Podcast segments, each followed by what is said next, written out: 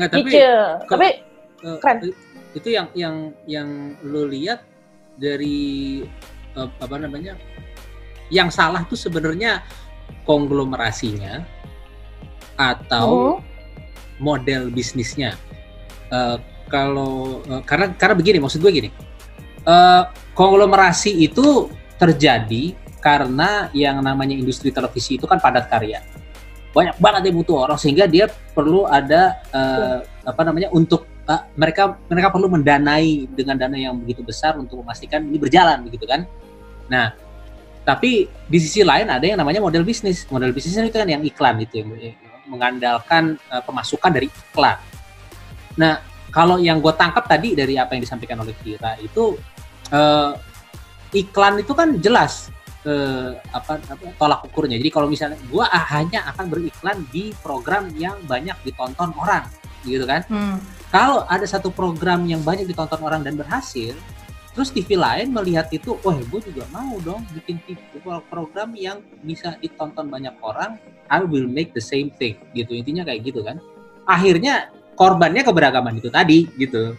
Nah sekarang pertanyaan gua adalah, menurut lo who's the culprit nih? Who's the, si penjahatnya siapa sih sebenarnya nih? Konglomerasi apa model bisnisnya?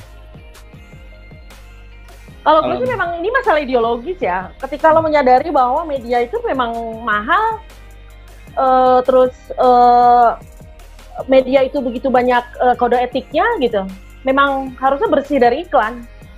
Itu idealisnya, yang which is nggak mungkin gitu ya. Cuman memang harus ada model tertentu yang membersihkan berita ini dari iklan. Hmm. Atau itu kayak ayam sama telur. Ini kita itu kayak sinetron deh.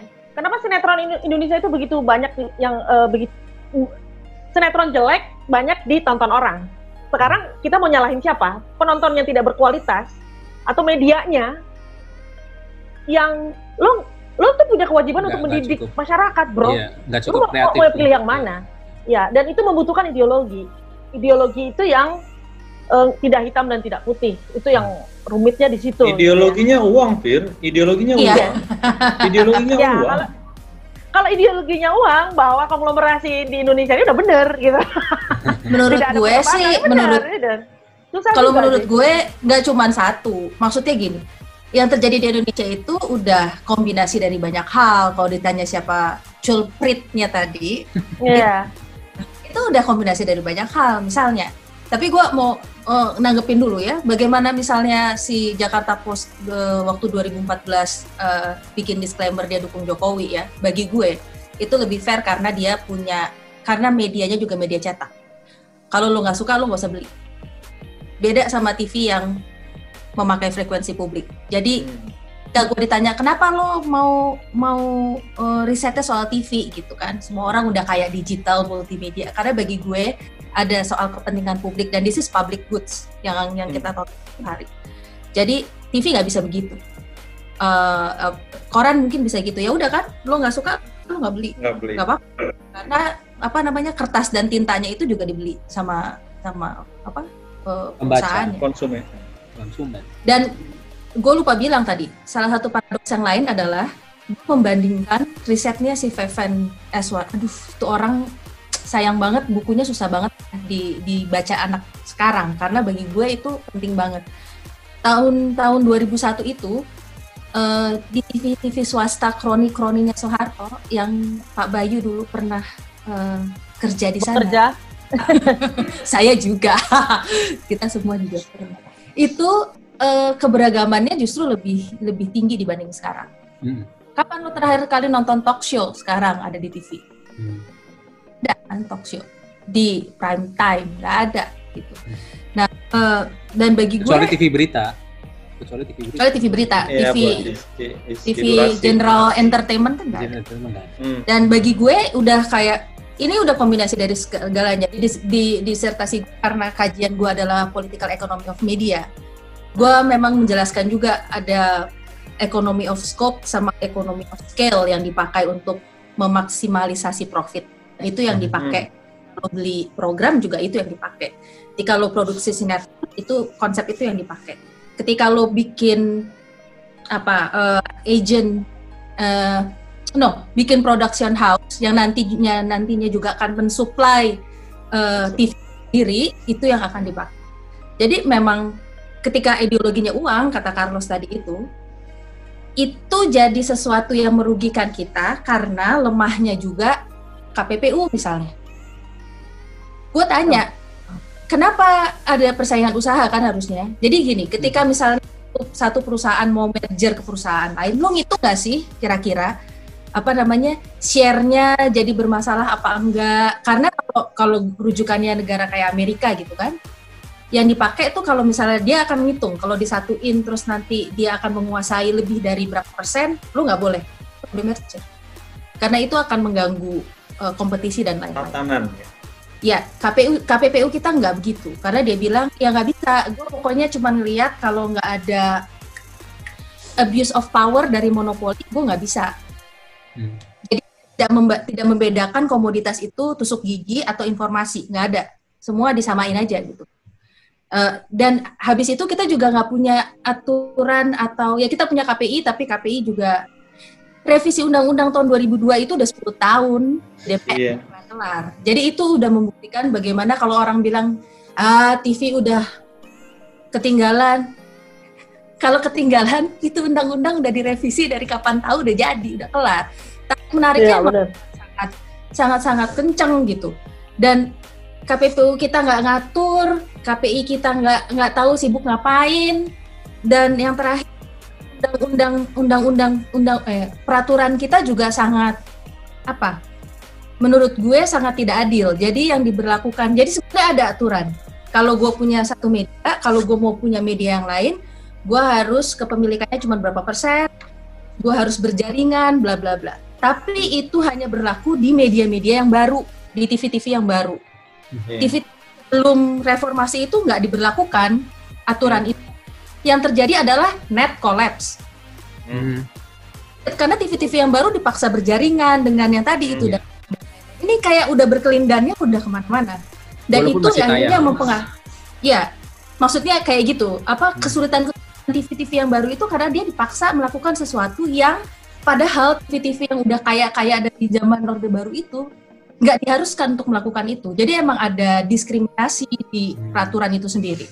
Itu yang oh. sekarang kita lagi beberapa teman lagi mencoba untuk merevisi apa melakukan banyak advokasi untuk merevisi peraturan itu juga. Dan yang terakhir menurut gue yang juga nggak kalah pentingnya adalah ya itu tadi yang tadi Vira bilang.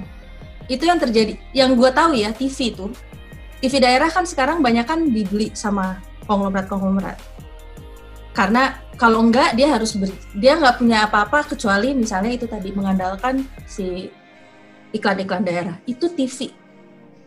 Kebayang nggak koran atau media yang lain? Lebih parah lagi menurut gue udah gak ada yang baca dan lain-lain. Makanya gue mau audience research habis ini. Gue pengen tahu 10 kota Nielsen itu deh. Apa sih yang terjadi dengan audiens di sana? Kita kan suka, sekarang suka lupa apa yang terjadi di luar 10 kota Nielsen itu. Iya. 10, sih. Ya itulah.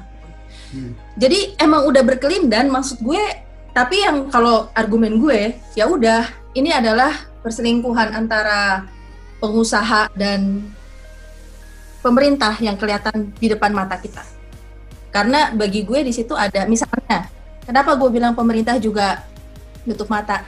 Ya kalau kita mau pers yang sehat, lo nggak ngasih bintang putra dong ke orang yang Surya Paloh. Sorry nih, tapi harusnya enggak dong gitu, karena kita tahu banget gitu apa yang terjadi. Jelas kok gitu. Kalau lo mau hitung durasinya, gue sekarang punya durasinya. Dulu tuh gue gitu. Gue ketika mau gue mau 2014 mau mau neliti gue pengen tahu berapa menit yang dialokasikan untuk orang yang namanya Surya Paloh itu di TV-nya sendiri. Gue ngitung, Bo, waktu 2014. Dia ya bisa ngomong nggak berhenti 2-3 menit. Dan itu gue posting. iya, dan gue harus, dan setelah itu gue langsung menyesal sendiri kan. Gue tiap hari harus nonton kan, terus gue harus catet ngomong apa dan lain-lain. Yeah. Tapi gue tetap hari taruh, ya. Hmm. Bu Mega uh, nyoblos cuma dua menit. Dia mantan presiden. SBY waktu itu presiden kan. Hmm. Nyoblos live cuma tiga menit. Haritanu nyoblos live 9 menit. Dari ngantri sampai dipanggil sampai nyoblos sekeluarga 9 menit. Tuh. Maksud gue itu Frekuensi publik ya. si publik itu harusnya dipakai buat yang lain, tuh kan? Ya gitu deh pokoknya. Jadi kalau gua kalau dibilang apakah ini modelnya yang salah, gini loh. Kalau model bisnisnya yang salah, tapi pengawasannya benar, nggak akan kebablasan, baik Iya. menurut gue. Hmm. Yang yang yang menurut gue harus harus fair. Tapi kan ya kalau komisi kalau komisioner KPI juga di fit and proper testnya di DPR, yang di DPR itu juga isinya orang-orang partai, yang orang-orang partai itu juga punya TV, ya lu mau gimana gitu. Iya. Emang Iya. orang-orang sekarang ini rakus-rakus ya kalau bahasa Iya. bisnisnya tuh greedy. Iya. Lo udah Iya. lo udah pengusaha, lo udah Iya. politisi, lo Iya. punya rumah perumahan, punya media juga, terus lo punya eh, apa minyak juga, lo punya hutan juga. Itu maksudnya itu yang memang entah ya itu strategi apa gue juga nggak ngerti. Gue pikir, gue menurut gue sih memang ada grand design tersendiri gitu. Grand design dalam Iya. artian sadar nggak sadar lo menciptakan eh, konsepnya taipan satu orang Iya. menguasai banyak menguasai banyak banyak banyak cuma masalah wilayahnya aja kurang lebih seperti itu kalau ide ya kurang gue bicara tanpa data ya tapi menurut gue Iya. dibandingkan awal-awal kita jadi wartawan misalnya gitu ya Hmm. let's say eh, berapa eh, 18-15 tahun lalu gitu ya bahwa pemilik media itu ya pemilik media aja Iya. bisnis sampingannya nggak banyak kita bisa lihat gitu ya. Tapi kalau yang sekarang bisnis sampingannya kita nggak ngerti bro selain media apa aja banyak bener gitu loh. Itu yang Iya. Sama Makanya- ya. Sama. Iya. ah, Oke. Dan itu kan yang greedy lah terjadi ya dengan dan MNC tuh sampai dia punya MNC live gitu, asuransi Iya. itu karena itu gitu. Lo nggak punya mau abang nggak usah sedih punya abang. Iya, nggak punya, nggak boleh ada ATM lain selain MNC Bank. Awalnya asuransi kan, karena dia sadar, oh shit, gue bayar asuransi banyak juga ya, gitu ke Iya. provider. Kenapa gue nggak bikin asuransi sendiri aja? Iya. Gitu. Dan masalahnya dia mampu melakukan itu. Iya, duitnya Mampu ada, banget. sialan. Oke. Kita Iya. doang berarti yang sirik nih, nggak ada duitnya semua. Betul. Iri bilang Ini. kok iri ya. Iri. Yoi. iri. Ini tinggal 4 menit closing statement mungkin dari Helena sebagai tamu spesial kita. eh apa ya? Gue waktu gue ngajar dulu mahasiswa gue pasti akan nanya habis itu gue berarti saya harus kuliah harus kerja di mana dong mem? gue membuat mereka sangat itu gue bilang Apa yang lo paparkan dalam keseharian kuliah lo ini adalah di luar sana tidak nggak ada yang benar. gue cuma bilang sama mereka no ya insight yang gue berikan ini supaya lo juga mengerti bahwa ya pertama kalau lo punya ideologi ketika lo ada di persimpangan gue mau lo ingat lagi ideologi ideologi lo apa. Bahwa media perlu yang tadi lo bilang baik, perlu uang untuk tetap jalan dan lain-lain benar. Tapi sebagai seorang jurnalis gue nggak peduli lo kerja di media sebagai apa yang lainnya kan banyak tuh uh, posisinya. Tapi sebagai jurnalis lo harus tahu lo kerja buat siapa Iya. which is buat jadi lo timbang-timbang sendiri. Dan Buat publik. Nggak kerja di MNC kan juga masih ada Sky ya kan masih Sky ada TV UK. ya, masih ada Yalah. BBC Keren masih banget. ada yang lain-lain. Jadi gue cuman minta, no, gue cuman mau lo punya awareness yang tinggi peka sebagai jurnalis itu aja sih. Eh, agak gregetan sebetulnya ya, apalagi ngelihat bagaimana apa program-program buletin sore itu udah lama-lama habis dan hilang gara-gara diganti. Dan digantinya juga tadi nggak karena ngomong keberagaman, kan kalau kalau genrenya masih diganti oleh news juga entah mungkin magazine gitu ya itu masih keberagamannya masih oke tapi kan enggak digantinya sama sinetron digantinya sama infotainment yang bikin lebih tambah nggak beragam lagi kalau gue sih harapan gue ya itu aja eh, eh, apa yang gue lakukan apa apa yang udah gue tulis dis- disertasi gue yang gue tulis empat tahun ini Mhm. itu bisa jadi referensi untuk para jurnalis tahu landscape media kita gimana, tahu isinya gimana karena ada wawancara-wawancara gue juga sama jurnalis-jurnalis di dalam yang cerita soal dilemanya mereka dan mereka stick sama ideologinya dan kalau bisa tahu kapan harus berhenti, kapan harus Hmm. menyerah, kapan harus jalan terus. Baiklah kalau begitu. Thank you everybody. Keren Terima Helena, kasih. good luck ya. Eh, Vira. Kita ngopi-ngopi ya. Terima kasih ya udah diundang. Ya ampun. Staf susnya staf sus sampai terakhir Lagi- tidak muncul. Lagi di Bidakara, lagi di Bidakara katanya. Lagi Karajo katanya kan lagi. Karajo Kak katanya. Oh, Karajo. Wah, Oke. ngeri ngeri. Oke, thank Oke, you ya. sesi selanjutnya. Kita Ya, sesi thank gimana? you. Thank you. Thank you. Thanks. Ah,